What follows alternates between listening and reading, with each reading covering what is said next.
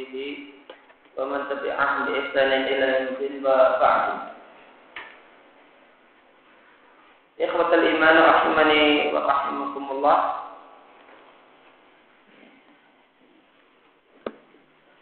Kita masih membahas tentang hujiyah khobaril ahad fil aqaid. Hadis ahad itu adalah hujah meskipun dalam masalah akidah sebelum kita baca lebih lanjut, kita baca catatan kaki di halaman dicetakan saya halaman yang ke-41. Jadi catatan kaki disebutkan kalau Mu'alif Hafizullah Ta'ala Hadis terbagi Bisibar dengan melihat ya, Banyaknya sana dan jalan yang sampai kepada kita terbagi menjadi dua hadis mutawatir dan hadis ahad. Hadis mutawatir adalah marwahu jam'un an jam'in. Adalah hadis yang dihadirkan oleh sejumlah orang dari sejumlah orang terus menerus. Sejumlah orang dari sejumlah orang dari sejumlah orang dan seterusnya. Dengan jumlah yang yastahil fil ada tawatu'uhum kalau diciptakan sekurang alif habis wawu. Yang mustahil menurut hukum kebiasaan tawatu'uhum mereka bersepakat untuk berdusta dan jumlah tersebut dari awal sanat sampai akhir sanat. Sedangkan ahad adalah hadis yang tidak sampai menuju derajat mutawatir.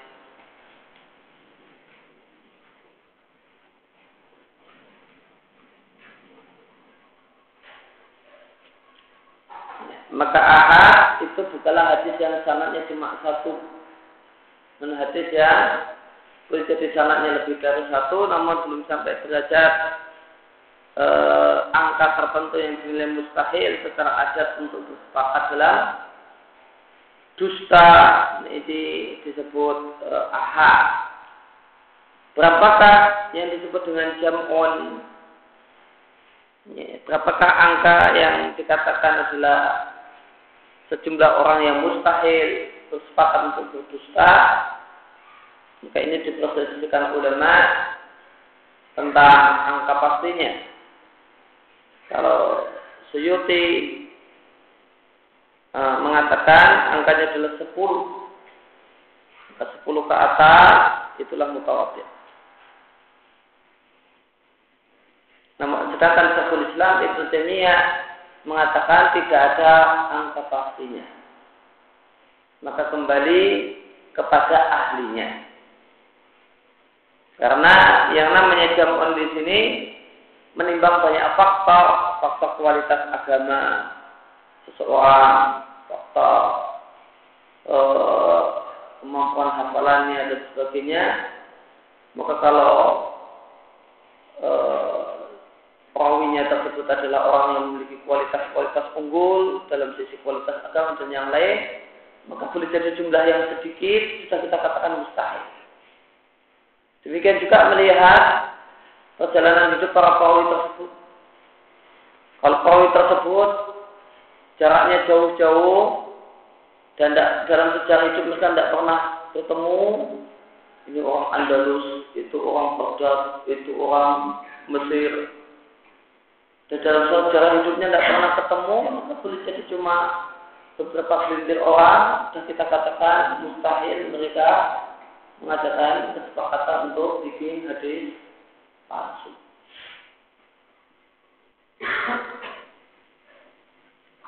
Sehingga berdasarkan hal tersebut, maka yang benar adalah kata Islam Ibnu Taimiyah tidak ada angka khusus, angka baku, angka yang jadi harga mati, untuk disebut sejumlah orang yang mustahil bersepakat dalam dusta. Maka ahad itu adalah manakala jumlah perawi tidak memiliki kriteria mutawatir meskipun lebih dari dan tidak harus e, satu boleh jadi banyak namun belum sampai derajat mutawatir maka dia adalah ahad. Maka di sini makna bahasa lebih sempit daripada makna istilah. Ahad ya, itu secara bahasa artinya satu. Luhutan dia artinya satu. Kalau tidak satu tidak disebut ahad. Namun istilahan hadis ahad itu tidak hanya hadis yang karena cuma satu, satu, dua, tiga, masih disebut ahad. Maka makna istilah lebih luas daripada mana bahasa. Pada asalnya atau pada umumnya makna istilah atau makna syariat itu lebih sempit daripada makna bahasa. Sholat dalam bahasa Arab artinya doa. Sedangkan sholat syar'an secara syariat adalah doa dengan tata cara tertentu. Dengan gerakan-gerakan tertentu pada waktu tertentu. Dimulai dari takbiratul ihram sampai salam. Maka dia adalah doa yang khusus. Maka lebih sempit namun untuk hadis uh, namun untuk hadis ahad makna istilah itu lebih luas daripada makna bahasa dalam bahasa Arab. Ahad itu cuma satu tunggal teman syar'an ini ternyata lebih luas. Asal belum derajat mutawatir maka dia ahad tidak mesti harus jumlah sanatnya cuma satu demikian juga iman. Iman lughatan dalam bahasa Arab sebagaimana disampaikan oleh banyak ulama bahasa adalah tasdid percaya yang letaknya di hati. Non syar'an iman letaknya tidak hanya di hati. Iman letaknya di hati di lisan dan di anggota badan. Maka syar'an iman itu lebih luas daripada iman lughatan Berkaitan dengan hadis ahad, satu hal yang patut untuk kita camkan, hadis ahad itu bukanlah hadis yang sanatnya satu.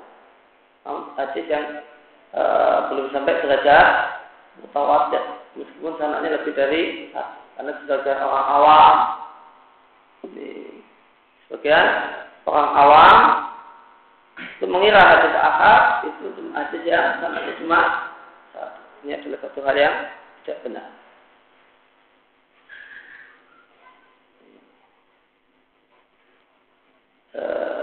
Syekh Basim Al-Jawabirah pernah cerita ketika beliau uh, menyampaikan dakwah di awas beberapa waktu yang lewat. Ya, cerita kalau satu ketika beliau di Riyadh, ya, ngobrol sama orang, ini orang awam, dia diskusi tentang ya, apa ketika itu tentang adab kubur atau apa. Kan nggak salah azab kubur. Maka dia menolak ya, dengan si orang awam ini menolak mengatakan ya, saya tidak terima dengan azab kubur. Ya, kemudian ditanya sama Syekh Basim ada ahad ada ahad bisa untuk uh, masalah akidah ditanya oleh Basim hadis ahad itu apa Pintar mendefinisikan hadis ahad yang dia tolak hadis ahad itu apa Hadis yang ini sanadnya cuma satu.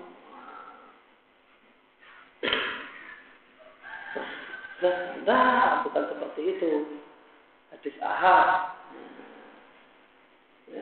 Ya, hadis ahad itu sanadnya lebih dari satu. Itu barangkali ahad masih tetap ahad. Nah, ahad kok masalah oh, masalah dua ahad. Ahad dia satu. Jangan tahu. Terus terus disampaikan karena ngotot agak lama masalah ahad itu cuma satu ahad ya satu masalah ahad dua kok ahad ya, tiga kok ahad nah ini kemudian saya kasih mengatakan kepada orang-orang tersebut ya, menyampaikan siapa diri beliau. Ahad ini uh, ini uh, pendidikannya apa? Umum lah ya. Si awam yang mengatakan. Ya, kalau kamu ketahui saya ini background pendidikannya agama. Saya ini doktor dalam hadis. Saya bilang ahad itu uh, ya, saya ini doktor dalam hadis Setiap ahad itu itu kalau sampai nggak sampai derajat tawasid nggak mesti sanatnya cuma satu mesti sanatnya satu boleh jadi dari ahad wah saya tidak tidak percaya. Meskipun kamu dokter hadis saya juga nggak nggak percaya. Ahad ya satu gitu. Sudah. Ya tapi kamu percaya ya kalau saya percaya kalau yang ngomong oh, ulama top dalam masalah hadis itu saya kalau percaya.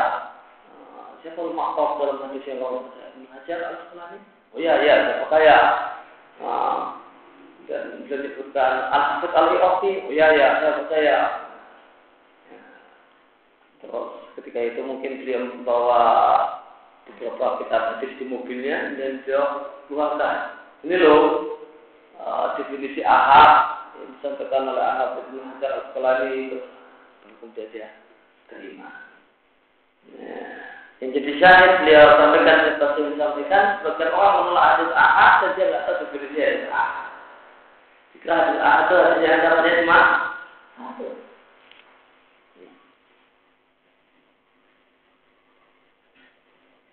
Nah banyak banyak asraful itu ada dalam hadis ahad dan sebagian ahli kalam menolak untuk membangun akidah di atas hadis ahad. Catatan kaki kalau Mu'tazilah itu Mu'tazilah dan orang-orang belakangan yang mengikuti mereka seperti seperti Syekh Muhammad Abdul Al-Misri yang merupakan Syekhul Azhar di zamannya Syekh Mahmud Shaltut yang juga merupakan Syekhul Azhar di zamannya Ahmad Salafi, pakar sejarah dari Mesir, Abdul Karim Utsman dan yang lainnya.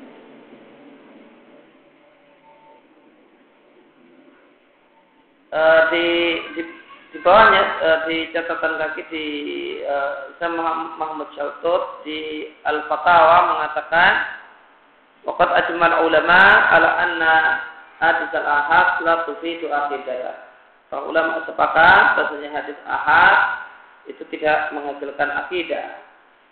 Wala yasul i'timad 'alaiha fi sya'nil dan tidak boleh jadikan landasan pokok dalam urusan hal-hal yang gaib.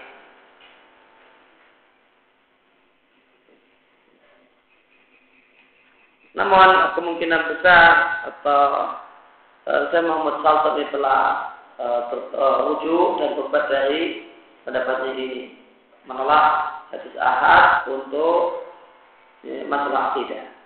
Ya, sebagaimana dijelaskan oleh Ali Al Halabi di kitab yang bahas tentang yang mengumpulkan beberapa uh, fatwa Syekh Muhammad Syaltuh uh, di Muqaddimah saya Ali Al Halabi menjelaskan data-data yang menunjukkan kalau uh, Syekh Muhammad Syaltuh telah rujuk dari pendapatnya semacam ini. Ya, kemarin telah kita bahas tentang masalah hadis ahad, bahasanya hadis ahad, eh, apa pun bentuknya, ya, ahli sunnah, sahabat dan tabi'in, ijma wajib beramal dengannya. Ya, wajib mempercayainya jika dia adalah akidah, ya, wajib untuk mentaatinya jika dia dalam perintah dan larangan. Adapun dalam masalah ibadah, apakah dia menghasilkan yakin e, bil ijma maka e, penulis menyampaikannya secara global maksudnya hadis ahad yujibul ilma al yaqini e, hadis ahad itu menghasilkan ilmu yakin dan beliau katakan adalah ijma mazhab ulama salafus saleh. Dan untuk mengatakan perkataannya ini penulis membawakan perkataan Ibn Abdul Is al Hanafi. Dan jika kita lihat maka tidak nyambung karena perkataan penulis innahu yujibul ilmal yaqini ini hadis ahad itu menghasilkan ilmu yakin. Ini bersifat mutlak. Sedangkan nukilan Ibn Abdul Is al Hanafi adalah hadis ahad yang talafat al ummah bil qabul. Maka ini hadis ahad yang khusus. Karena tidak ada keselarasan antara perkataan penulis dengan nukilan ulama yang dijadikan sebagai sandaran untuk menunjukkan benarnya perkataannya. Main telah kita sampaikan bahasanya hadis ahad itu ada dua macam. Hadis ahad yang lahu qarain yang memiliki indikator e, tambahan Ya. Di antara indikator tambahannya adalah talakat al-ummah bil qabul. Demikian juga indikator tambahannya adalah marahu sahihain. Ya. Maka itu yujibu al-ilma al-yaqini bil ijma' ini sebagaimana kata Ibn Abid Is al-Hanafi bil ijma' kalau bil ijma' salah adapun kalau menimbang salat maka apa? Menghasilkan ilmu yakin hingga jamaahirul ummah jumhur yang besar dari umat ini. Artinya tidak ada yang menyelidiknya kecuali mendapatkan pendapat yang jelas yang tidak teranggap adanya.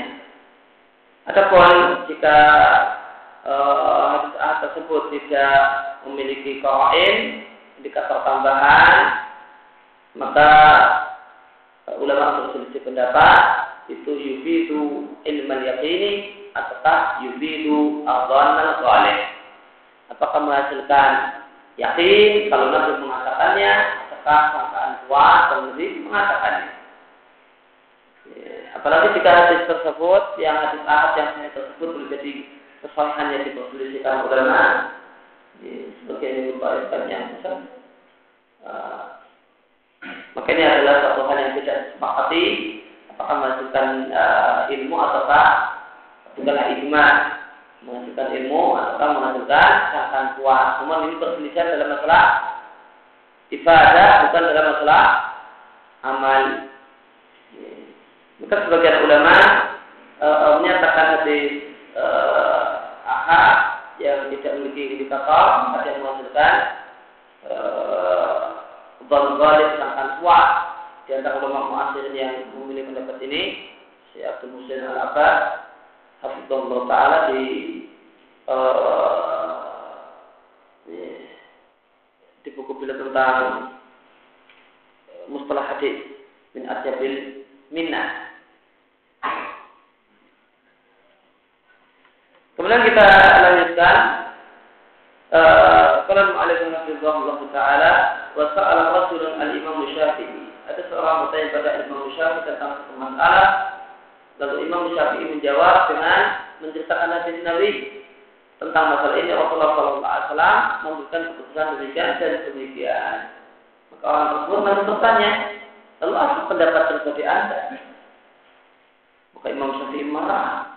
Subhanallah, atarani fi bi'atin apakah engkau melihat aku itu berada di dalam gereja? Atarani ala waktu zinarun Apakah engkau melihat aku di pinggangku itu ada zina? Zina itu kain khas eh, yang kain khusus yang dipakai oleh orang-orang Nasrani ketika mereka mau ke gereja dan mau tausiah.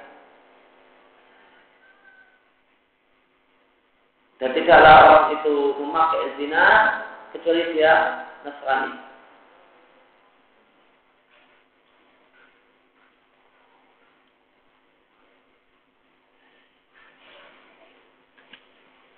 Tapi Allah alam kalau e, Nasrani sekarang karena mungkin saja terjadi perubahan karena pendeta mereka suka bikin uh, ajaran baru dulu begini sekarang berubah jadi begitu tapi kalau di masa salah orang-orang uh, di masa dahulu orang-orang Nasrani kalau ke pakai satu kain khas yang diikatkan di pinggang yang disebut zina.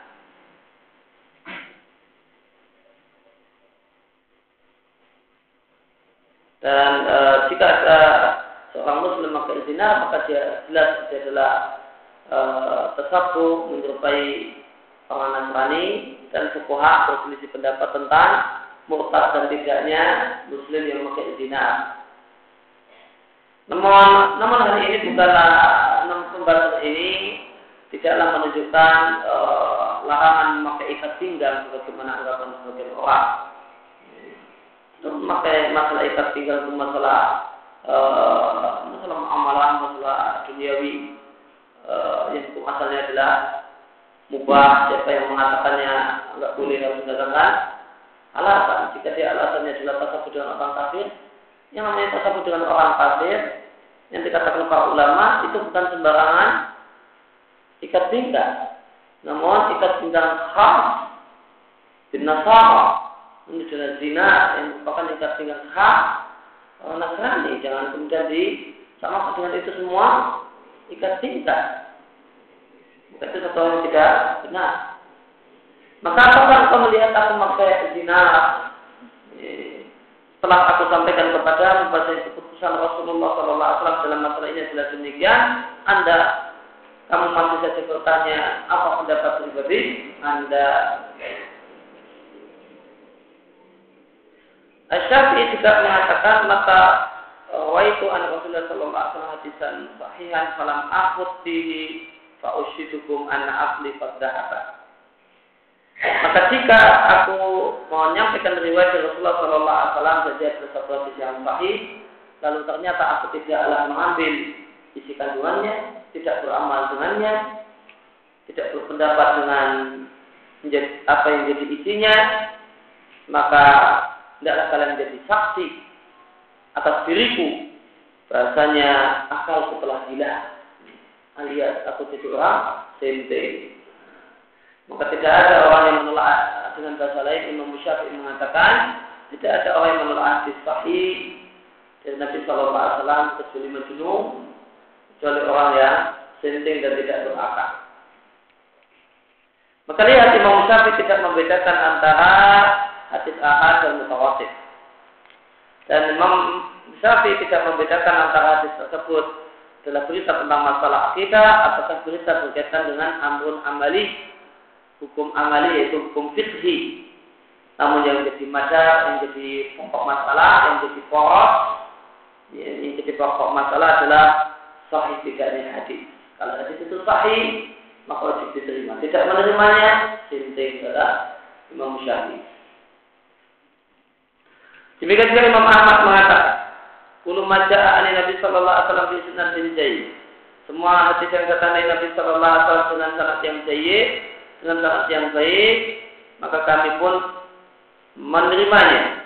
Dan jika kami tidak menerima hadis yang kata dari Nabi sallallahu alaihi wasallam dan kami menolaknya, mencegahnya dan menolaknya, Wadatna Allah amro maka berarti kami menolak perintah Allah. Maka siapa yang menolak hadis kata uh, Imam Ahmad berarti dia menolak Al-Quran. Karena Allah berfirman, wa ma'atakum rasuluh fakuduhu man ahakum anhu fa'antahu. Semua yang disebutkan oleh Rasul maka ambillah dan semua yang dilarang oleh Rasul maka berhentilah. Al-Hasr ayat yang ketujuh. Pada asalnya surat Al-Hasr ayat ketujuh ini berkaitan dengan baik, berkaitan dengan harta, rampasan perah. Itu konteksnya.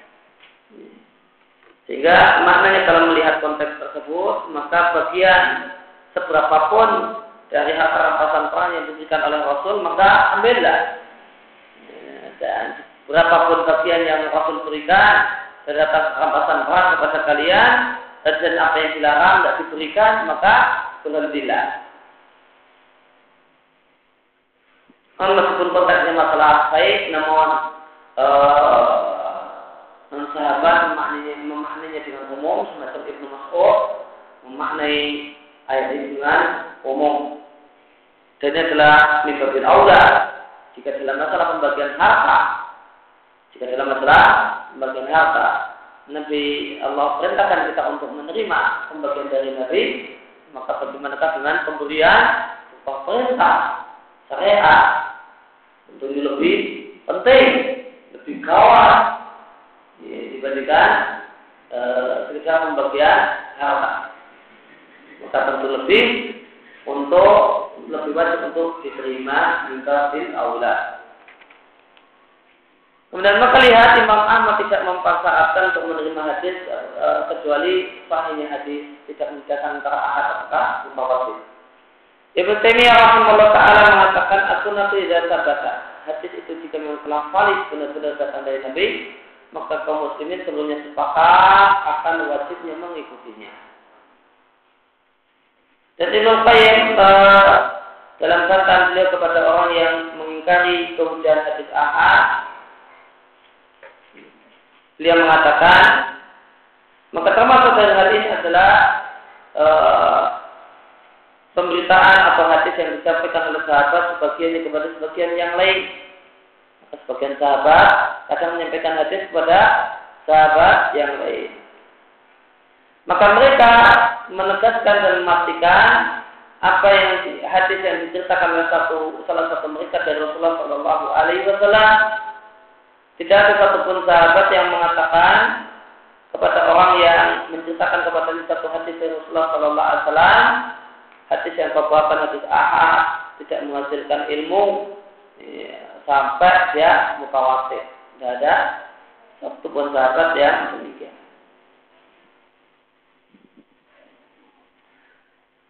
Bahkan ahadun dan salah satu sahabat jika mereka awali ghairi hadisan jika ada orang lain yang menyampaikan satu hadis dari Rasulullah SAW berkaitan dengan sifat Allah maka orang yang mendapatkan hadis tersebut langsung menerimanya langsung menyikapinya dengan menerimanya. Dan meyakini adanya sifat semacam itu bagi Allah Subhanahu wa taala secara pasti dan yakin. Sebagaimana mereka meyakini tentang ru'yatullah tentang bahasanya orang yang beriman akan melihat Allah dan Allah akan berbicara dengan orang yang beriman. Allah akan memanggil manusia pada kiamat, manggil hamba-hambanya dengan satu suara yang bisa didengar oleh orang yang jauh posisinya, sebagaimana didengar sama kerasnya dengan yang dekat posisinya. Demikian juga turunnya Allah ke langit dunia setiap malamnya dan bahasanya Allah itu punya sifat tertawa, gembira, memegang langit dengan satu di antara beberapa jari Allah, menetapkan dan meyakini adanya telapak kaki bagi Allah.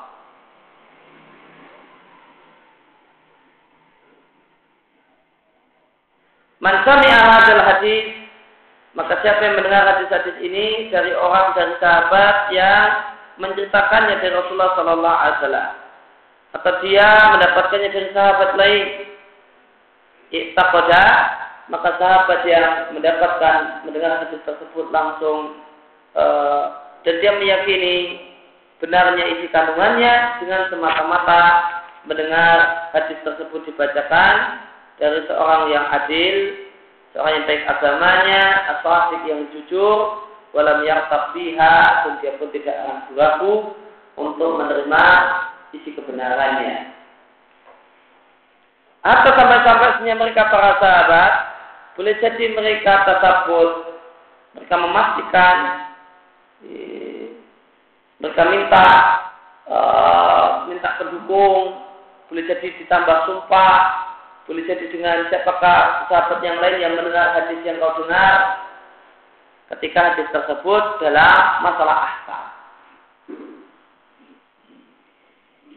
Dalam masalah ahkam, maka sebagian sahabat semacam Umar demikian juga Ali bin Abi Thalib meminta orang sahabat yang menyampaikan kalau Nabi mengatakan demikian, memintanya untuk sumpah atau memintanya siapa yang mendengarmu selain mendengar, uh, hadis ini selain dirimu. Namun satu hal yang unik, walam yatlub ahadun minhum al istizhar fi riwayat ahadis sifat al barakah namun tidak ada satupun dari sahabat yang meminta dari sahabat yang lain yang menyampaikan hadis al-istishab. Semua ketika dia meriatkan hadis masalah sifat Allah sama sekali. Lihat, hadis masalah akidah tidak minta istidhar apa penguat. Coba kamu sumpah. Kamu mau dengar dengar hadis ini. Masalah apa? Umar bin Khattab Ali bin Abi minta penguat. Masalah sifat, masalah apa? Akidah. Begitu dengar, langsung sam'an Namun dalam masalah akal, sebagian mereka tasabun memastikan dulu apa yang menguatkan kalau kamu mau benar-benar benar hadis ini dari Nabi Sallallahu Bahkan bahkan mereka lebih cepat untuk bersegera untuk menerima hadis-hadis masalah akidah, masalah sifat. Dan uh, bersegera untuk mempercayainya dan menegaskan isi kandungannya dan menetapkan sifat dengan hadis tersebut. Minal mukbir lahom uh, dan menetapkan sifat dengan hadis tersebut ketika mereka dapatkan dari orang yang dari sahabat yang memberitakan kepada mereka hadis tersebut dari Rasulullah Sallallahu Alaihi Wasallam. Wa man adana ilma di sunnah dan siapa saja yang punya sedikit pengetahuan tentang sunnah dan sedikit perhatian terhadap sunnah maka dia akan mengetahui hal tersebut. Seandainya bukan karena jelasnya masalah ini, bisa kami akan sebutkan lebih dari 100 contoh. Fadal tadi Eh, maka orang yang maka sandaran yang dijadikan sandaran oleh orang-orang yang e, mengingkari al-ilmu, mengingkari keyakinan dari hadis-hadis Nabi Shallallahu Alaihi Wasallam, maka mereka telah melanggar ijma para sahabat yang diketahui secara pasti bahasanya para sahabat ijma.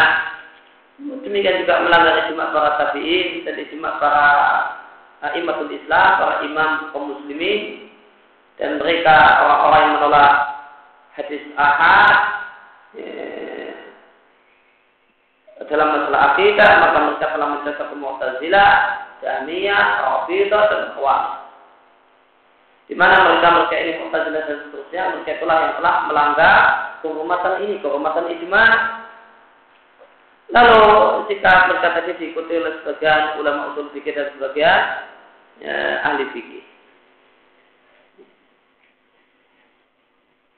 Eh, wa ila namun jika kita bawa kepada masa salah maka tidaklah diketahui lahum salafun adanya pendahulu bagi mereka dari para imam dalam masalah ini menolak hadis ahad dalam masalah ini bahkan soal imam bi khilafi qaulihim bahkan para imam pun menegaskan uh, E, pernyataan yang berbeda dengan perkataan mereka. Dan di antara ulama yang menegaskan hadis ahad itu menghasilkan yakin adalah Malik, Syafi'i, kemudian e, para muridnya Abu Hanifah, Dawud bin Ali Al-Zahiri dan dan pengikutnya semacam Abu Muhammad Ibn Hajar. Maka ini di sini uh, Ibnu Qayyim menyampaikan jadi saya sampaikan bahasanya hadis ahad yang mujarab tanpa ra'in ulama ikhtilaf tentang ifadah.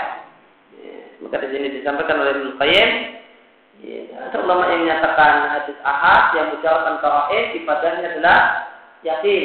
Nah, di sini Ibnu Qayyim menyebutkan di antara ulama yang menyatakan bahasanya itu menghasilkan yakin. Malik, Syafi'i, Hanafiyah, murid-muridnya Abu Hanifah, dan Al-Zahiri dan Ibnu Hazm.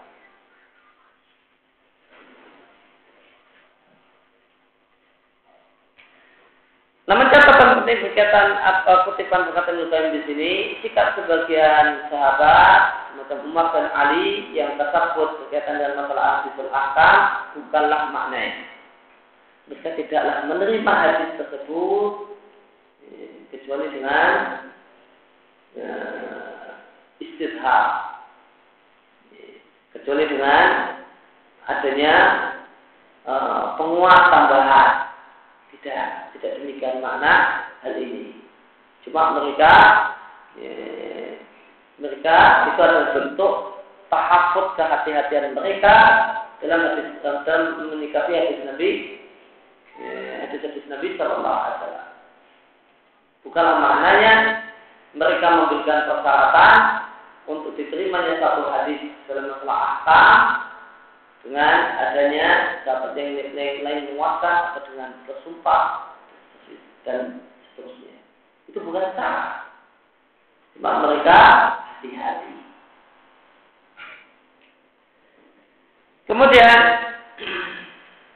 ada pun apa yang dibawakan oleh orang-orang yang menginginkan kehujanan hadis ahad dalam masalah akidah.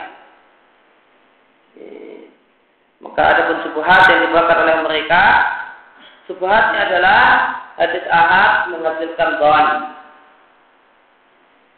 Uh, padahal yang dimaksudkan dengan para ulama dengan bahan itu adalah dan rasi sangkaan kuat. Ini yang dimaksud dengan dalam don di ada sangkaan kuat. Nah, ini demikian telah menghasilkan sangkaan kuat di di kota karena boleh jadi seseorang itu salah atau lalai atau lupa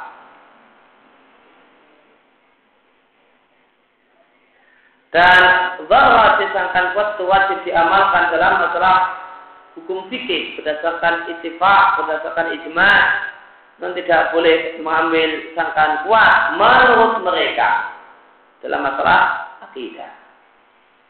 Lalu mereka mendalili pendapatnya tersebut dengan menggunakan beberapa ayat yang berisi larangan mengikuti prasangka. Bagaimana firman Allah Subhanahu wa taala, "Iya tabi'una illa dhanna wa inna dhanna la yughni minal haqqi syai'a." mereka tidaklah mengikuti kecuali prasangka dan setiap prasangka tidaklah yurni minal hati syai'ah melawan tidaklah bisa melawan membantah kebenaran sedikit pun. Maka jawaban untuk sebuah ini bahasanya alasan mereka dengan ayat ini dan ayat-ayat yang semisal adalah alasan yang tertolak di anadhan karena tersangka prasangka dalam ayat tersebut maknanya bukanlah Bukanlah ketuban, bukan seangkan kuat. Sebagaimana dimaksudkan oleh para uh, sebagian ulama, bahasanya hadis ahad di don. Namun yang dimaksud dalam ayat di atas adalah keraguan-keraguan, kebohongan, tebak-tebak, tebak-tebakan, wastakmin, dan sekedar prasangka yang tidak berdasar. Bagaimana dalam kitab Nihayat Ulul Hadis dan Lisan Arab dan buku-buku bahasa Arab yang lain dan dikatakan bahwa artinya adalah keraguan yang menjumpai anda yang ada pada diri anda disyair tentang satu hal. Lalu anda kemudian memastikannya kemudian baru memberikan keputusan dengannya sebagaimana dikatakan oleh Ibnu Katsir di tafsirnya untuk ayat di atas Malah min ilmin. Mereka tidak memiliki ilmu tentangnya. Artinya mereka tidak memiliki ilmu yang benar, yang membenarkan apa yang mereka katakan, bahkan itu dusta. Lihat, perhatikan. Bahkan itu dusta. Wazurun dan kebohongan, wakti'un dan kebohongan, dan kekafiran yang jelek. Di dalam mereka mengikuti kecuali prasangka, Fa'inna dhanna la yughni minal haqqi syai'a Sesungguhnya prasangka itu tidaklah bisa melawan, menolak kebenaran sedikit. Artinya, la yughni minal haqqi syai'a, artinya la yusbi syai'a. Tidak bermanfaat sedikit pun. La yakumu abadan maqamal haqq. Tidak bisa menggantikan kebenaran. Lihat, tahu tafsir?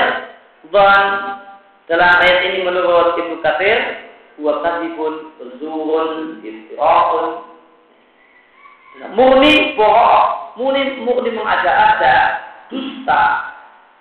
Itu zon Zalnya orang muslim mereka punya zon bahasanya ini adalah kesembahan bahasanya ini latar dan uzza itu bisa akan memberikan syafaat untuk mereka pada kiamat nanti. Mereka punya sangkaan kalau ini latar dan usaha berikan syafaat untuk mereka pada hari kiamat. Apa sangkaan di sini? kebohongan, mengada-ada. Jelas itu cuma mengada, sebenarnya tidak punya bukti yang menunjukkan benarnya keyakinan mereka. Itu kadibun, zuhun, istirahun, adalah murni kedustaan. Maka dalam ayat ini artinya dusta, bohong, atau prasangka yang tidak sudah. Dan terdapat dalam uh, dalam Sahih Muslim Ya Rasulullah Sallallahu Alaihi Wasallam bersabda, "Iya kumadzanna, fa inna dzanna akhlabul hadis." Ya, adalah kalian menghindari prasangka itu prasangka tanpa dasar, karena prasangka tanpa dasar adalah prasangka yang paling dusta. Diatkan oleh Muslim. Maka ragu-ragu yang tidak berdasar dan kebohongan itulah prasangka yang Allah telah Wanaahu dan Allah telah keras orang-orang musik karenanya. Dan ini dikuatkan penjelasan di atas dikuatkan dengan firman Allah Subhanahu wa taala, "Yattabi'una ila dhanna wa in illa yakhrusun." Di dalam mereka mengikuti kecuali prasangka dan di dalam mereka kecuali menebak-nebak saja. Maka Allah tegaskan makna Kedua apa? Al-Qarsu. Menebak-nebak asal tebak. Tidak ada dasarnya. Tebakan tersebut tidak ada dasar.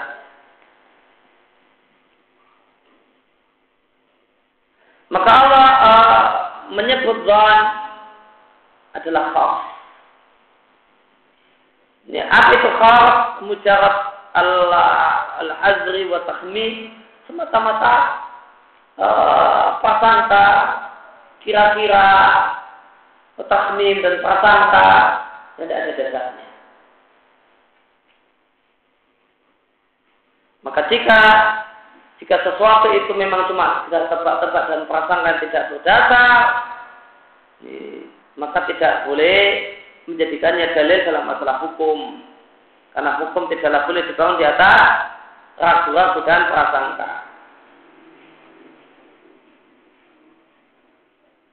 Adapun uh, adapun perkataan mereka bahasanya mungkin saja perawi itu lalai dan lupa, maka itu tertolak dengan menimbang syarat uh, sahihnya sebuah hadis yang ahad. Yaitu perawinya haruslah cepat, seorang yang baik hafalannya, maka jika hadisnya memang sahih, maka tidak ada ruang untuk memberikan prasangka kelirunya rawi. Menimbang ditambah apa yang telah menjadi kebiasaan bahasanya orang yang terpercaya baik hafalannya di dalam lalai, di dalam bohong, maka tidak ada ruang dan tidak ada tempat untuk menolak hadisnya dengan semata-mata kemungkinan logika yang ini ditolak oleh akal oleh kebiasaan.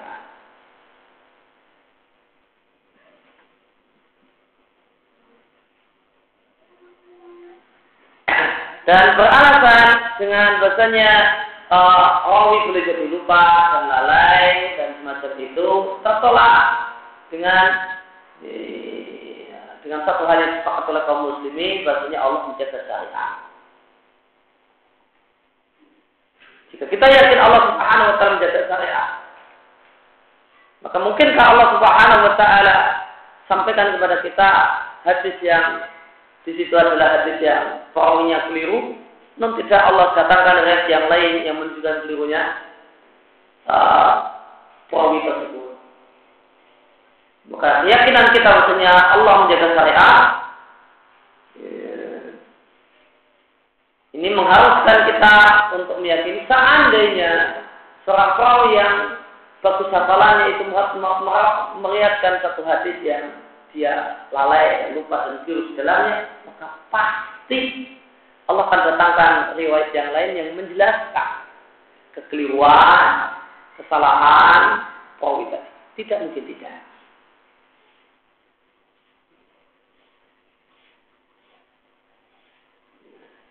Maka orang tidak boleh me, uh, membela-bela bid'ah dengan mengatakan itu boleh jadi ada dalam hadis yang tidak sampai. Kamu jangan tolak uh, tolak uh, amalan gini. jangan-jangan boleh jadi itu ada hadisnya, namun hadis yang tidak sampai kepada kita. Loh, hadis di mana? Di kitab hadis mana? Ya tidak ada di kitab hadis yang mana-mana, karena memang tidak sampai kepada kita. Maka bentahannya apa? Anda yakin tidak Allah jaga saya? Maksudnya Allah jaga syariat Muhammad Sallallahu Alaihi Wasallam sampai akhir zaman.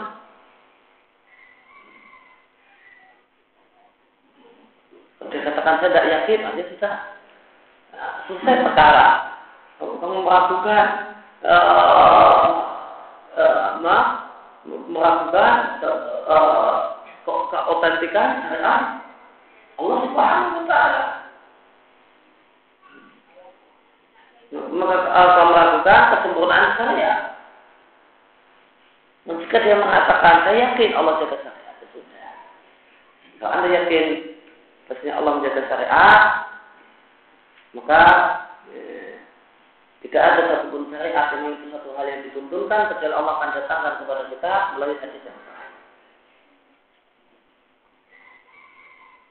Ketika kita yakin uh, Allah akan jaga syariat, maka kita akan katakan sebagaimana perkataan Abdullah bin Barak, seandainya ada orang yang membuat hadis palsu di tengah lautan sendirian. Ada orang yang bikin hadis palsu di tengah lautan sendirian, maka akan Allah datangkan para jahabidah, para pakar hadis yang juga ini palsu. Padahal dia bikin hadis palsu tanpa ada siapa pun yang mengetahuinya. Namun, ya, kata Abu Zumbang, pasti Allah akan datangkan jahabidah para pakar yang akan membongkar kedok orang tersebut. Ini palsu buatan bulan. Itu kalau kita yakin Allah Subhanahu wa taala syariat. Maka akan ada hadis palsu yang kemudian masuk menjadi syariat.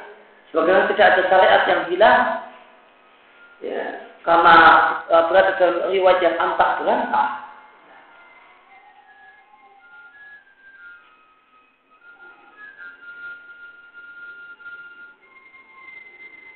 Maka ini satu hal yang dua uh, dua hal yang perlu untuk dibedakan Bahasanya sebagian ulama mengatakan hadis ahad yufidu dhon maknanya ghalafatul dhon.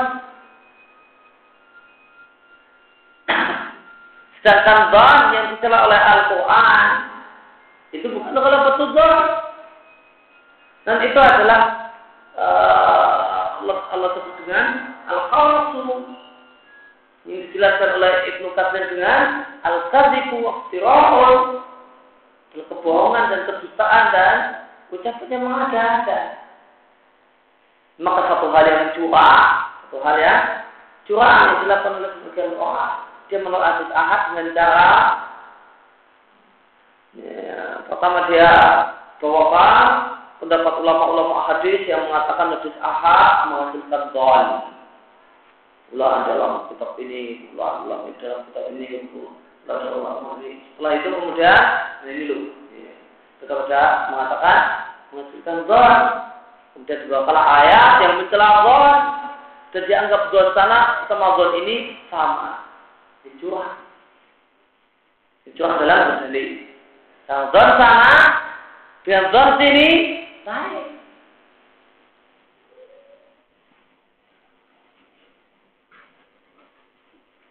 Uh, maka min faedah kita sampaikan bahasanya zon uh, itu memiliki makna bahasa syar'i dan istilah. Dan secara bahasa itu maknanya prasangka. Don syar'an itu punya beberapa makna. Terkadang don syar'an dalam syariat yaitu dalam nusus Quran dan Sunnah maknanya yakin Maknanya yakin.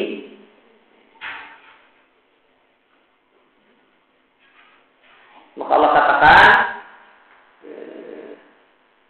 eh, sholat itu satu hal yang berat kecuali bagi orang-orang yang khusyuk. Siapa kata orang-orang yang khusyuk? alladzina yadhunnuna annahum mulaqu rabbihim wa annahum ilaihi raji'un. Orang-orang yang khusus itu adalah orang-orang yang zon orang-orang yang yakin kalau dia akan berjumpa dengan Allah Subhanahu wa taala dan pasti akan kembali kepada Allah. Dan makna syari yang lain untuk zon adalah di samping yakin dia juga adalah pasang-pasang masih tanpa dasar. Sebagaimana dalam ayat yang tadi kita bahas, iya tapi illa dhanna wa ya khusus maka mereka tidaklah dalam ikuti zon dan zon di adalah al khalsu itulah pangkat pasang tanpa dasar yang sama sekali tanpa dasar maka disebut uh, maka secara syar'i juga disebut zon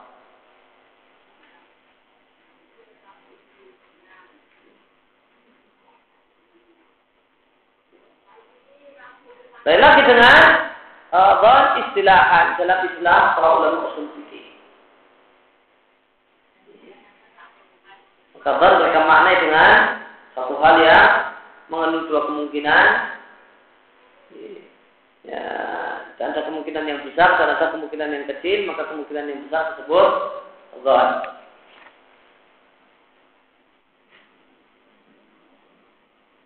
Maka di antara kesalahan orang yang curang tadi itu tidak membedakan antara makna dhon syar'an dan makna dhon istilah.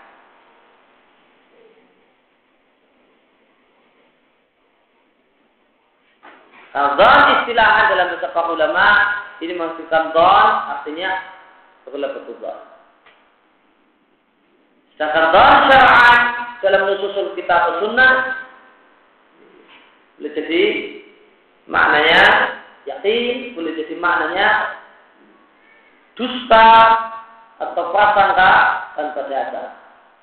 Sebagian dalam hadis Nabi Shallallahu Alaihi Wasallam, ia kembali e, makna zon dalam hadis ini menurut sebagian ulama maknanya adalah tuduhan tanpa dasar. Ia kembali jangan engkau menuduh tanpa dasar, tidak punya fakta, tidak punya dasar main fonis seenaknya. Maka itu adalah bah ya, dalam hadis ini. Maka bah di sini hadis maknanya pak kalau berdasarkan penjelasan ulama yang mengatakan bah dalam iya kembali artinya tuhmah tuduhan maka bah di sini artinya al kadib kebohongan. Kemudian dari kalian tentang diterimanya hadis ahad baik dalam masalah akidah ataupun dalam masalah hukum. Tidak terbayang kita telah kepalsuan ya, dasar yang menjadi landasan sebagian orang tidak mau mengambil hadis ahad dalam masalah akidah maka perlu diketahui pada dalil-dalil yang mengharuskan untuk mengambil hadis ahad dalam masalah akidah itu sangat banyak terdapat dalilnya dari Quran dan Sunnah di antaranya adalah seperti itu. Di antara dalil Al-Quran maka dunia banyak aku sebutkan satu firman Allah tidaklah pantas orang-orang yang beriman yang diruka untuk seluruhnya berangkat perang. Falaulah nafara min kulli firqatin maka seandainya ya, tidaklah berangkat. Min kulli firqatin dari setiap kelompok ta'ifah Tidaklah berangkat lana faro kalau lana faro tidaklah berangkat perang dari setiap kelompok minhum dari mereka ta'ifah satu ta'ifah. Untuk apa tidak berangkat perang? Lihat apa COVID supaya bisa belajar agama. Kemudian mendakwakan mendakwakan agama dan agama tersebut kepada kaum mereka dan mereka kembali kepadanya. Jika orang-orang eh, jika mereka orang-orang yang berangkat perang itu kembali pulang perang la'allahum yahzarun eh, supaya mereka hati-hati waspada dan takut. Maka ayat ini mendorong orang-orang yang beriman untuk belajar agama. Dan dalam bahasa Arab, ta'ifah itu digunakan untuk satu atau lebih. Satu orang itu boleh disebut ta'ifah dalam bahasa Arab. Bagaimana kata Alimah Syafi'i, Betapa bahasanya minimal ta'ifa lupa ta'ifa wahid. Minimal ta'ifa adalah satu orang.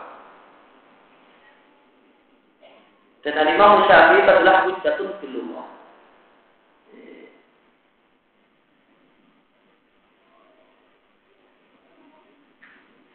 Hujjatun filumah. kata dia adalah dalam bahasa Arab adalah Kecuali beliau benar-benar salah dalam satu satu penjelasan dengan banyak alasan yang mendukung salahnya, beliau maka baru kita katakan Imam Syafi'i beliau. Namun pada asalnya penjelasan Imam Syafi'i dalam masalah makna lafaz sepertinya adalah hujah. Sebab karena beliau hidup uh, belajar bahasa Arab yang asli di tengah-tengah suku Hudail bertahun-tahun namanya. Yang merupakan uh, kabilah Badui ketika itu. Sehingga para ulama memberikan pengecualian orang-orang yang hidup di masa Imam Syafi'i meskipun dia alim ulama uh, perkataannya bukan hujah belum ila Syafi'i. Karena bahasa Arab di masa Syafi'i sudah rusak. Bahasa Arab di masa Syafi'i sudah berbeda dengan bahasa Arab yang asli di masa Salaf. Maka perkataan uh, para ulama berkaitan dengan bahasa yang sejalan dengan Syafi'i, laisa hujjatan fil ila Syafi'i. Tidak bisa jadi hujah dalam bahasa Arab kecuali perkataan al-Imam Syafi'i. Nah, Imam Syafi'i menjelaskan bahasanya minimal ta'ifah adalah satu orang dalam dalam bahasa Sebagaimana juga dikatakan oleh Al-Bukhari, Bukhari mengatakan bisa merajul ta'ifah. Satu orang itu bisa disebut ta'ifah. Sebagaimana firman Allah Subhanahu wa taala, "Wa in ta'ifatan minal mu'minina qatalu" Jika ada dua ta'ifah dari orang yang beriman iktatalu, saling pukul atau saling bunuh, maka demikian di antara keduanya. Kata Bukhari kalau kalau Rasulullah seandainya kelahi ada dua orang yang kelahi dakhala di mana ayat maka keduanya telah masuk dalam ayat ini maka jika seorang itu diambil pendapatnya dalam berita-berita yang dia sampaikan berkaitan dengan perkara agama jadi, semua orang berangkat jihad ada satu orang yang ta'ifah satu orang maka nanti setelah yang pulang jatuh pulang, maka uh, Allah perintahkan supaya yang pulang uh, pulang dari dia tadi belajar dan menerima berita yang disampaikan oleh Ta'ifah, satu Ta'ifah tadi. Padahal dia mengajarkan agar mencakup masalah akidah dan hukum-hukum fikih. Maka ini adalah dalil, maka ayat ayat di atas dalil tegas bahasanya uh, hadis uh, bahasanya berita yang dia sampaikan adalah hujah. Dan tafakur dalam agama itu mencakup akidah dan hukum. Bahkan tafakur belajar agama, belajar agama dalam artian belajar akidah lebih penting daripada tafakur belajar agama dalam masalah hukum.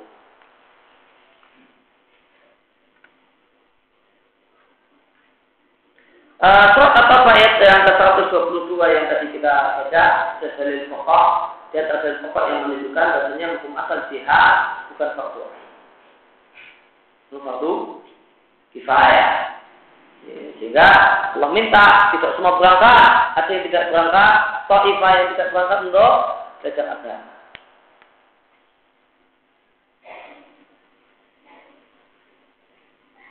maka ini adalah bantahan atas orang yang e, mendengar jihad dan jihad yang sering kali nggak paham makna jihad dan tidak bisa membedakan jihad dengan jahat. Uh, di mana mereka memiliki kaidah bahasanya hukum asal jihad fardu ain. Kaidah mereka hukum asal jihad fardu ain. Dalil yang ada hukum asal jihad fardu kifayah. Kalau mereka katakan jihad fardu ain tidak jadi fardu kifayah dalam kondisi tertentu, balik. Dan yang ada jatuh fardu kifayah, tidak fardu ayat kecuali dalam kondisi tertentu.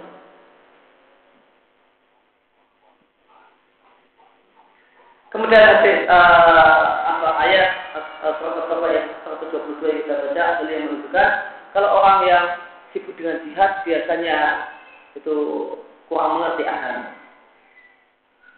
Sibuk jihad itu biasanya nggak mengerti agama. Makanya uh, maka e, kaidah sebagian orang yang mengatakan kalau ikhtilaf dalam masalah agama maka ukur kebenaran adalah uh, pendapat yang dipilih oleh para mujahid. Ini keliru mah, aneh. Ada ikhtilaf dalam masalah agama, maka di antara maka pilihlah maka ya uh, dalil dan bukti kalau yang benar adalah satu pendapat, manakala pendapat itu diambil oleh orang-orang yang sibuk jihad. Loh, padahal ayat mengatakan orang-orang yang sibuk jihad itu umumnya kurang mengerti masalah agama. Sehingga yang sunnah dari agama para mujahid itu yang tidak berangkat jihad. Yang tidak berangkat jihad untuk belajar agama. Nah orang yang berjihad diminta untuk belajar sama orang yang tidak jihad. Malah aneh saja uh, cara memilih tarjih dalam satu masalah agama, tanyakan kepada ahli jihad bagaimana yang benar dari pendapat-pendapat yang ada ini. Aneh. Padahal ayat mengatakan bahasanya mereka sibuk dengan urusan jihad menyebabkan banyak dari mereka tidak bisa belajar agama dan tidak mengerti hukum-hukum agama. Sehingga yang dari para mujahid ini masalah masalah hukum agama termasuk di antara fikih jihad orang yang tidak berangkat jihad. Kok malah orang yang berangkat jihad dijadikan sebagai telah ukur wajibnya dan satu pendapat dalam agama ataukah tidak. Kita Allah Subhanahu wa taala berfirman ya alladzina amanu in ja'akum fasiqun binaba'in fatabayyan. Ya orang-orang yang beriman jika datang kepada kalian orang yang fasik dengan dua satu berita maka adalah kalian tabayyin. Terus satu kiraat kata tasbatu dia bilang kata-kata tasbut. Artinya pastikan kebenarannya. Ya, kalau tak bayar carilah penjelasannya. Maka di sini yang belum uh, maka ini menunjukkan uh, ketegasan dan kepastian menerima uh, berita yang dibawa oleh orang yang tidak. Intinya dia adalah satu berita yang tidak perlu takut karena dia tidak tergolong orang yang fasik. Seandainya berita yang disampaikan tidak menghasilkan ilmu, tentu Allah akan memberikan perintah untuk kata secara mutlak sampai mendapatkan ilmu. Demikian juga firman Allah Subhanahu wa taala ya ayyuhalladzina amanu atiullah wa atiur rasul wa orang yang beriman taala kalian pada Allah taala kalian kepada Rasul wa ulil amri minkum. Dan ulil amri kalian yaitu ulama kalian atau penguasa kalian. Ada dua tafsiran ulama untuk mana ulil amri dan yang benar kata Ibnu Katsir dua-duanya benar. Satu nama mengatakan ulil amri adalah ulama, satu lagi mengatakan ulil amri adalah umara yang benar kata Ibnu dua-duanya benar. Maka taatilah uh, uh, wa ulil amr dan taatilah ulama kalian atau taatilah penguasa kalian. Asalkan dia minkum bagian dari kalian orang-orang yang beriman. Fa'in maka jika kalian berselisih tentang satu hal, maka kembalikanlah kepada Allah dan Rasulnya.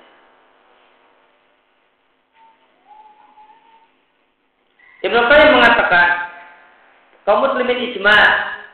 Bahasanya mengembalikan perkara kepada Rasul artinya mengembalikannya kepada langsung kepada diri Rasul ketika belum mati dan mengembalikannya kepada sunnah Rasul setelah beliau Dan ulama uh, kaum muslimin sepakat bahwasanya kewajiban ini, kewajiban mengembalikan perkara kepada Rasul jika terjadi perselisihan tidaklah hilang dengan wafatnya Rasul.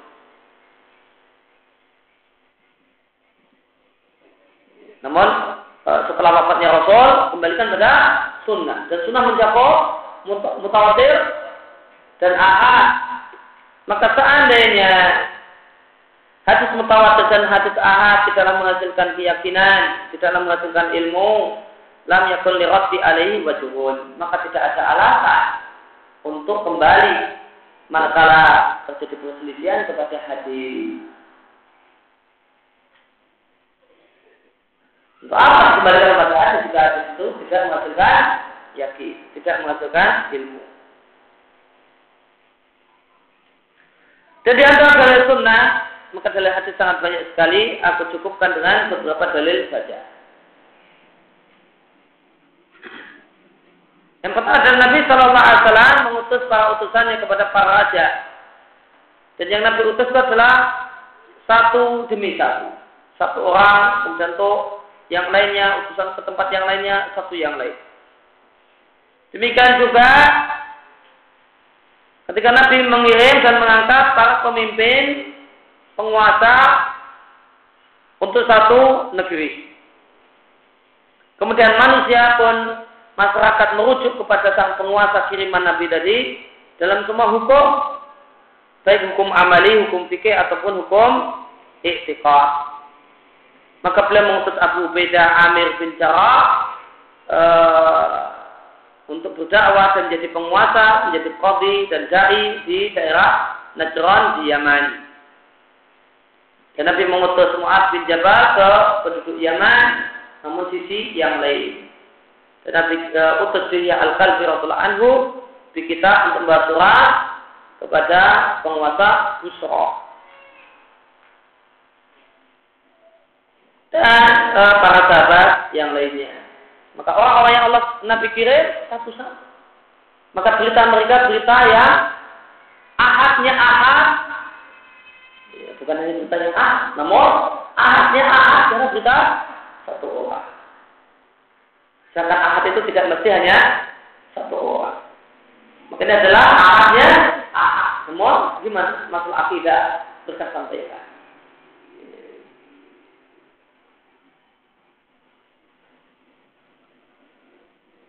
Jadi setelah Bukhari dan Abdullah bin Umar Rasulullah anhu bila mengatakan Bainan nasu di Kuba saat banyak orang sholat subuh di Kuba tiba-tiba datanglah orang-orang yang datang dan mengatakan ya Rasulullah Sallallahu telah turun pada beliau ayat Al-Quran semalam.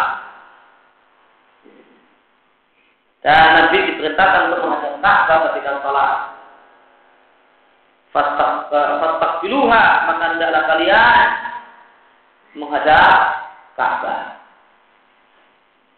Dan wajah-wajah mereka penduduk Kubah ini pada awalnya menghadap Syam yang ada terletaknya di utara kota Madinah. Lalu mereka berputar menghadap Ka'bah karena Ka'bah itu selatannya Madinah. Maka di sini dalil uh, bolehnya orang di luar sholat ngejak ngomong sama orang-orang yang sedang sholat. Ini kamu kerjanya keliru. Nah, balik sana atau ke kanan itu tidak mengapa.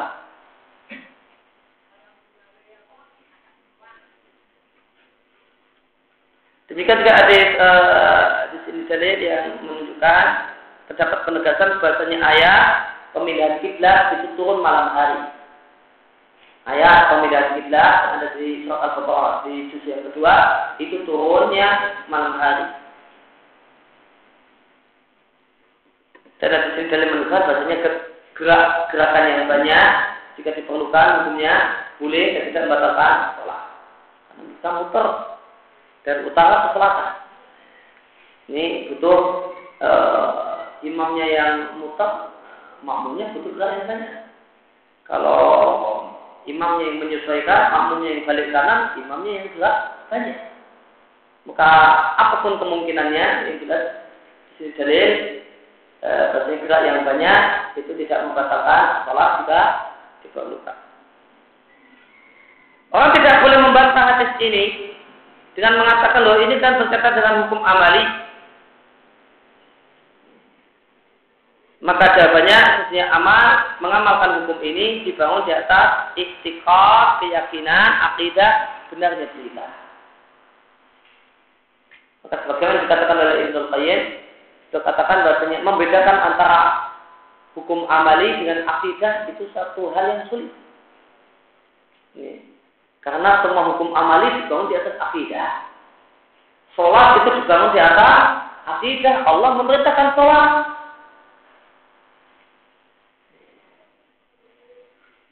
Puasa dibangun di atas akidah. Maksudnya Allah mewajibkan puasa Ramadan.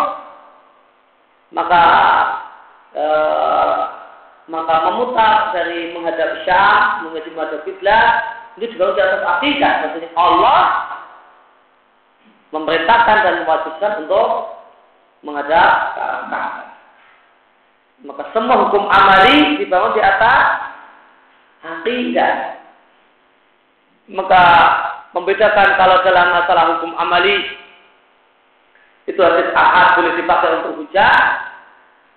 Kalau untuk akidah maka tidak usah pakai untuk hujah itu satu hal yang membingungkan dan hanya diucapkan oleh orang yang bingung dan saja orang lain untuk bingung. Nah gimana?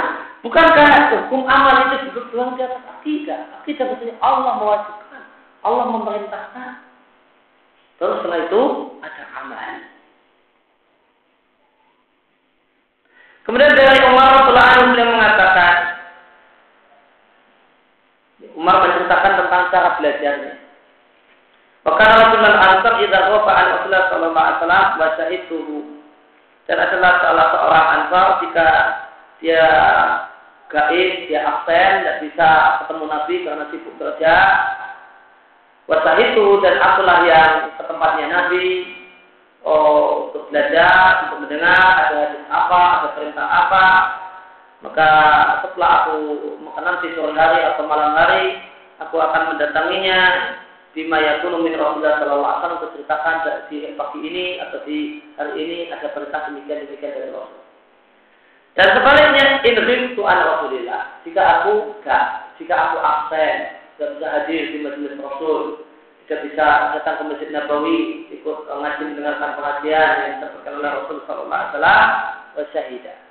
Maka tetangga Ansor itu yang datang. Atani bima yakunu min Rasulullah Sallallahu Alaihi Wasallam. Nanti malamnya dia akan cerita padaku hari ini Rasul menyampaikan gini-gini, ada perintah demikian, ada hadis demikian bicara belajar Umar bin Khattab radhiyallahu anhu. Dia bertetangga dengan Ansar, ya. kemudian uh, dia bikin kesepakatan antara Umar dengan Ansar. Ini bikin perjanjian dan kesepakatan. Ya. Uh, cari duitnya dua hari sekali. Cari duit dua hari sekali. Sehari ngaji, sehari kerja. Maka uh, hari ini Umar yang kerja cari duit, Ansor yang ngasih. Nanti uh, malam selesai, nanti Ansor cerita. So, uh, hari ini ada ilmu demikian demikian demikian. Besoknya giliran Umar ngaji, tetangganya Ansor kerja. Bisnis, cari duit. Nanti malam selesai, uh, Umar akan cerita ada ilmu demikian demikian ya, hari ini dari Nabi Sallallahu Maka demikian seharusnya uh, orang yang sudah sibuk kerja. Kerja bukan alasan itu tidak pernah ngaji. Tidaklah punya semangat bagaimana semangat umat. Tidaklah punya semangat bagaimana semangat Allah di mana kesibukan mereka untuk cari nafkah, kesibukan mereka untuk kerja, bukan salah. Bukan faktor penghalang untuk tidak mendapatkan ilmu. Namun lakukanlah uh, uh, sarana-sarana yang memungkinkan. Sarana-sarana yang memungkinkan untuk tetap tidak ketinggalan ilmu yang ada, ilmu manfaat yang ada. Maka kalau kalau uh, zaman Antar, Umar dan Antar ini mereka ablusan, ya maka di zaman kita ada rekaman. Maka itu bisa dimanfaatkan, tidak perlu susah-susah, sebagaimana Umar dan Antar bikin ablusan. Ya. Uh, cerita tentang apa saja ini yang Nabi sampaikan. Semangat yang paling penting uh, yang bisa kita tangkap dari hadis ini salah satunya adalah kesibukan kerja, kesibukan urusan dunia, kesibukan dan nafkah, bukan penghalang untuk tetap dapat. Ini semangat umat, semangat ansor yang seharusnya tertanam pada diri kita eh, masing-masing. Maksudnya umat Islam adalah umat ilmu. Umat yang uh, melandasi setiap geraknya, keyakinannya, dan perbuatannya dengan ilmu.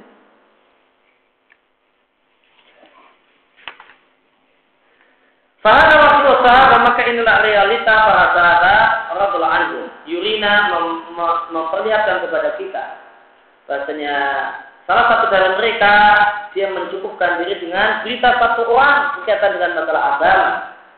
Baik berita masalah agama yang dia sampaikan, yang asalnya dia dapatkan dari Nabi itu berupa akidah ataupun berupa amal. Maka boleh jadi Umar menceritakan masalah akidah kepada Ansor. Nanti ngajinya dapat hadis tentang masalah akidah. Maka yang dia sampaikan pada Ansor masalah akidah dan sebaliknya. Maka Umar dan merasa cukup dengan berita satu orang dan Al Ansar ini pun juga sangat cukup dengan berita satu orang.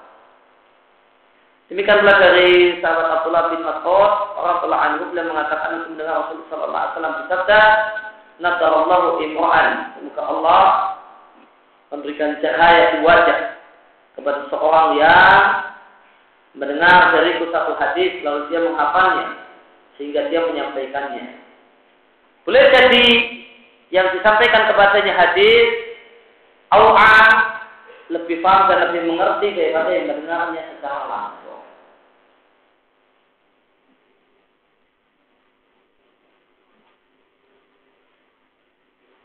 Jika dalam sebuah hadis yang dilihatkan oleh uh, Imam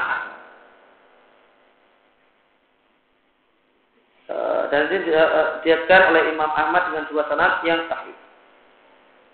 Dan berkaitan dengan hadis ini ada satu buku khusus karya Syekh Abdul Muhsin ya, Al-Abbas. Judulnya satu Hadis Nasrullah Imran Sami Amakulat Makalat Riwayatan wa Riwayatan. Maka penjelas, uh, penjelasan detail tentang hadis ini ada di bukunya saya Abdul Muhsin Al-Abbas.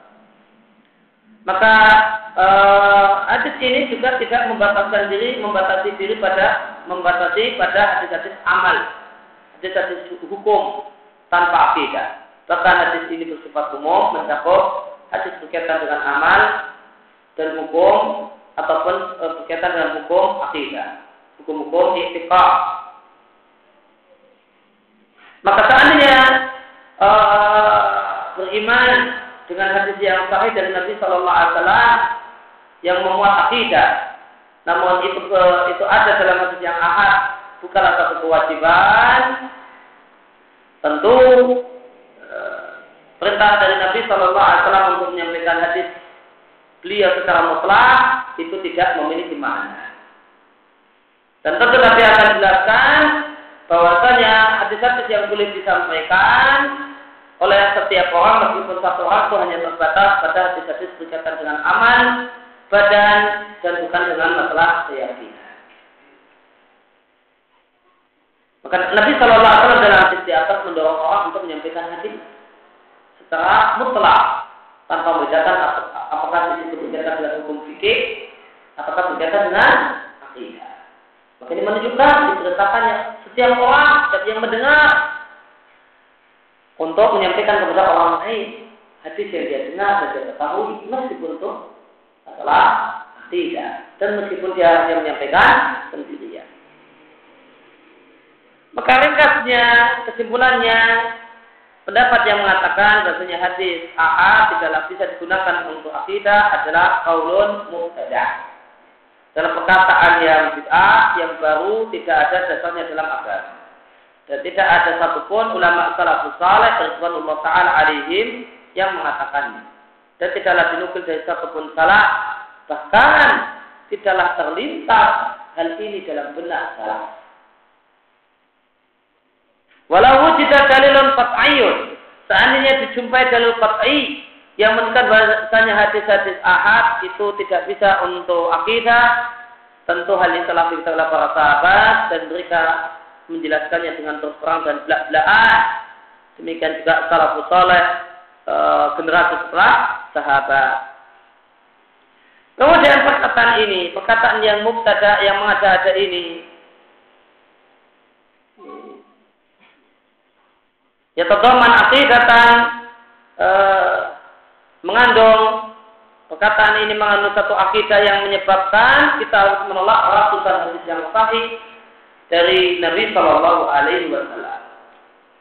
Maka orang-orang yang tidak mau mengambil akidah dari hadis A, konsekuensinya mereka akan menolak banyak keyakinan yang itu berdasarkan hadis A. Di antaranya adalah hadis yang mengatakan afdaliyatu Nabi Muhammadin sallallahu alaihi wasallam ala jamil anbiya wal mursalin. Nabi kita adalah manusia yang paling utama dari semua para nabi dan utusan uh, dari, dari semua nabi dan rasul yaitu hadis anak itu wala di ada yaumul qiyamah. Aku adalah pemimpin seluruh keturunan ada. Hadisnya ahad. Demikian juga hadis yang menceritakan tentang syafaat uzma di mahsyar. Demikian juga hadis yang mengatakan kalau Nabi memberikan syafaat untuk pelaku dosa besar dari umat beliau. Kemudian berbagai mujizat Nabi seluruhnya selain Al-Quran. Demikian juga hadis yang menceritakan tentang tata cara awal muawal e, batil khalqi diciptakannya makhluk tentang sifat atau gambaran tentang bagaimana itu malaikat dan jin, gambaran tentang surga dan neraka yang tidak disebutkan dalam Al-Quran, semuanya harus ditolak. Adanya pertanyaan dua malaikat munkar dan di alam kubur. Demikian juga himpitan kubur untuk setiap orang yang meninggal dunia. Demikian juga adanya sirah, telaga dan mizan yang memiliki dua anak timbangan. Dan iman bahasanya Allah mencatat untuk segala manusia, untuk setiap orang, statusnya apakah dia orang yang berbahagia dalam penghuni surga apakah celaka dalam bumi neraka demikian juga rezeki dan amalnya manakala dia ada di perut ibunya Ibnu Mas'ud yang ada di Al Nawawiyah juga hadis. AA demikian juga berbagai hukum khusus yang berlaku untuk Nabi Shallallahu Alaihi Wasallam yang telah dikumpulkan oleh Suyuti dalam kitab yang namanya Khotois al Kubro. Semisal Nabi Shallallahu Alaihi Wasallam itu sudah masuk surga fi hayati manakala beliau masih hidup dan beliau pun melihat penghuni surga dan berbagai nikmat surga yang telah disiapkan untuk orang-orang yang bertakwa di dalam surga dan hadis yang mengatakan bahasanya jin korin yang Nabi Shallallahu itu tunduk atau masuk Islam.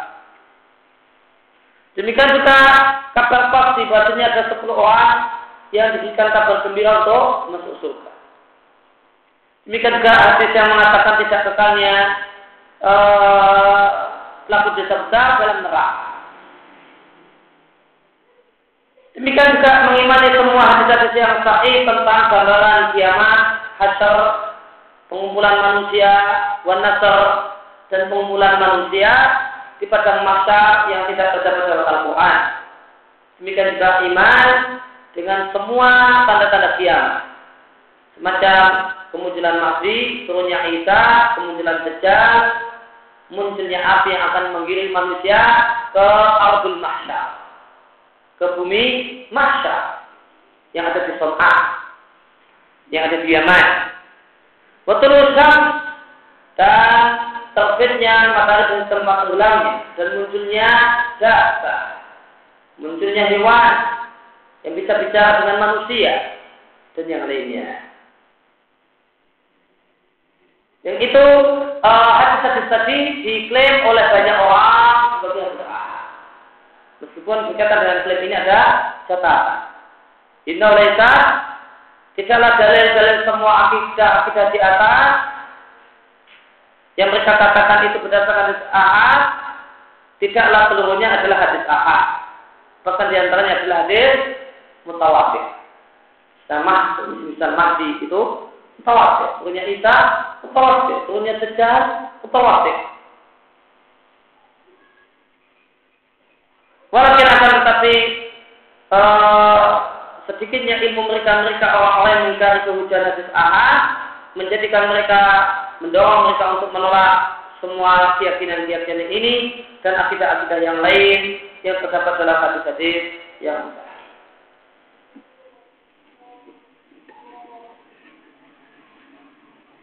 Maka ringkasnya uh, menolak orang yang mengatakan bahwasanya hadis ya, akidah tidak boleh dibangun kecuali berdasarkan dalil qat'i dalil qat'i subut wa dilalah.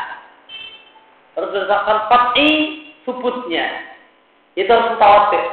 Dan qat'i maknanya.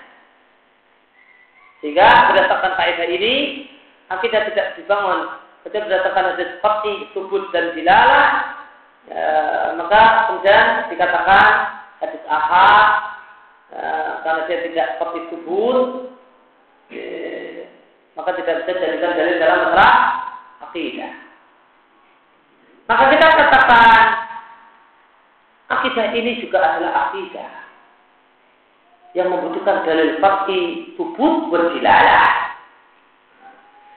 Bukankah menolak hadis ahad untuk dalam masalah akidah adalah sebuah akidah dan berdasarkan kaidah kalian kalau uh, kalau akidah harus dibangun di atas dalil fakir bubut berdilalah maka uh, maka kaidah ini hadis ahad harus dibangun berdasarkan hadis fakir bubut berdilalah itu adalah akidah yang membutuhkan dalil fakir bubut berdilalah maka datangkan hadis seperti subur badilalah yang menunjukkan bahasanya hadis akidah tidak boleh jadi hujah dalam akidah.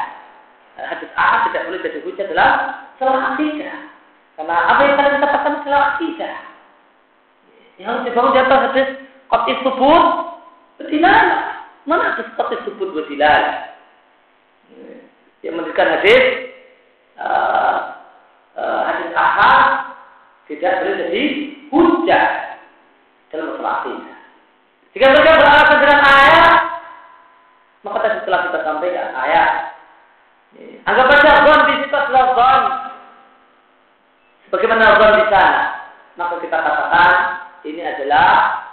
tidak kotu, tidak kotu dilala, karena masih bisa dibantah dengan dengan bantahan yang kuat. Ya, padahal syaratnya Allah kotu tubuh, kotu dilala. Kot itu butuh harus mutawatir. Mutawatir. Kot itu butuh artinya e, Al-Quran atau hadis mutawatir. Kot dilalah artinya ya, tidak multi tafsir. Tidak multi tafsir. Cuma ada satu makna. Kalau mereka beralasan bahasanya dalam kami untuk mengatakan oh, ini adalah ayat Al-Quran, maka kita katakan dari yang anda pakai belum khotib kubur. Khotib dilalah belum, karena multi tafsir. Kami bisa bantah dengan bantahan yang argumentatif yang kuat. Don di situ bukan don di sana.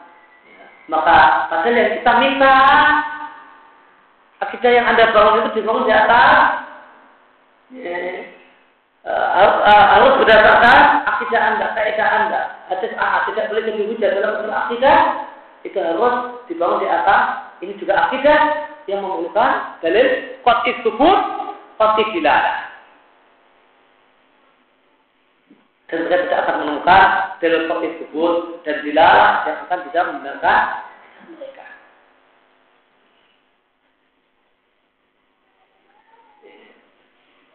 Jika mereka mengatakan bahasanya yang namanya hanya untuk masalah akidah mutawatir, maka kita katakan dari mana anda mengetahui bahasanya ini mutawatir dan tidak mutawatir?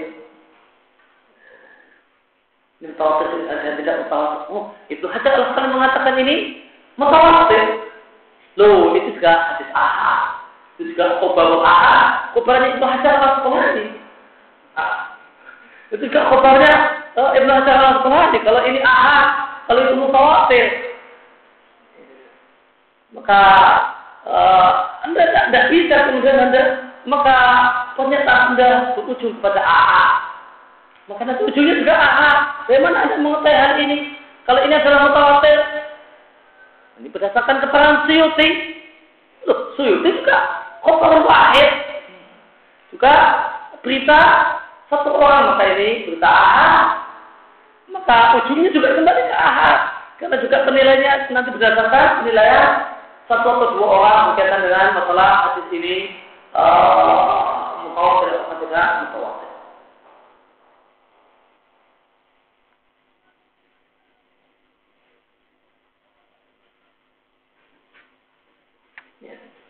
Anak ibu Nabi Sallallahu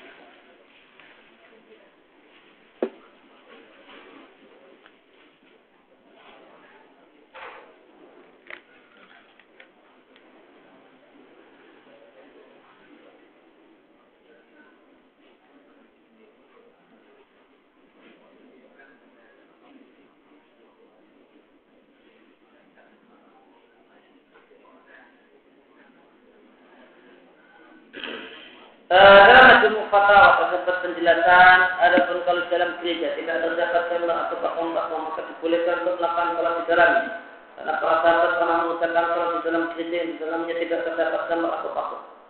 Yang saya tanyakan jika di rumah saya masih ada patung dan gambar apakah saya di rumah itu tidak pasti sah sholat itu sah namun uh, kalau kalau bisa memilih maka ruangan yang di sana tidak ada patung dan gambar.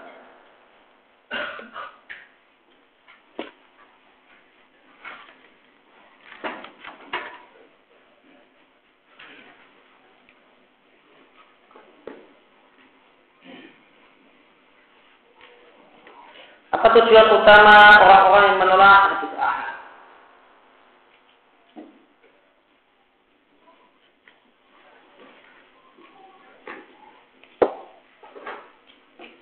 Allah adalah tujuan uh, utama mereka pilihan mereka adalah satu hal yang tadi telah kita jelaskan terlebih dahulu satu hal yang uh, tidak benar.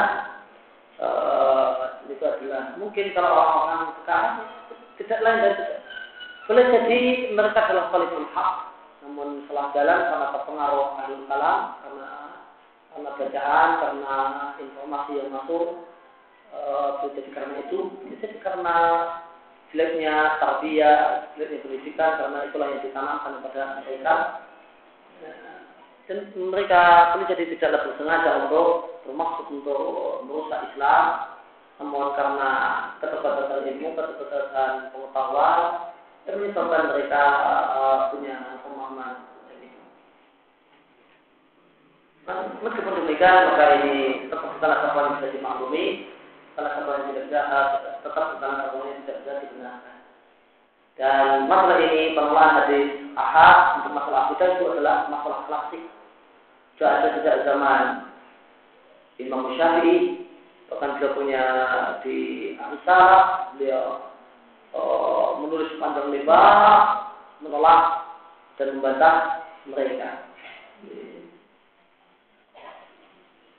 Dan beliau bantah dengan e, metode dialog di Anissa. Ini adalah e, masalah klasik bukan satu hal yang e, muncul baru. Namun e, maka orang-orang sekarang yang memiliki pendapat-pendapat tersebut maka mereka sejak mereka adalah orang-orang yang menyimpang yang ada di masyarakat.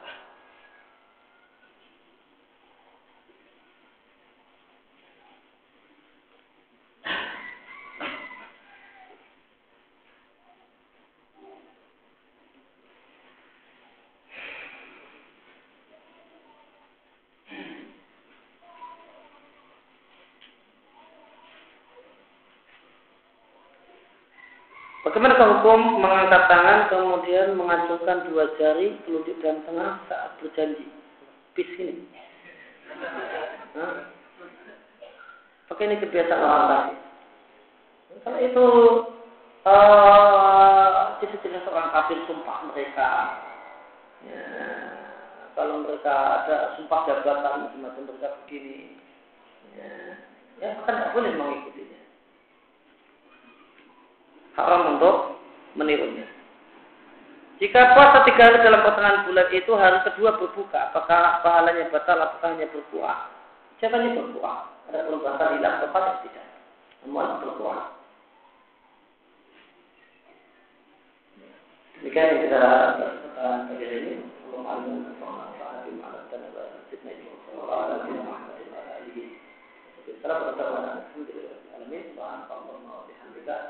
这个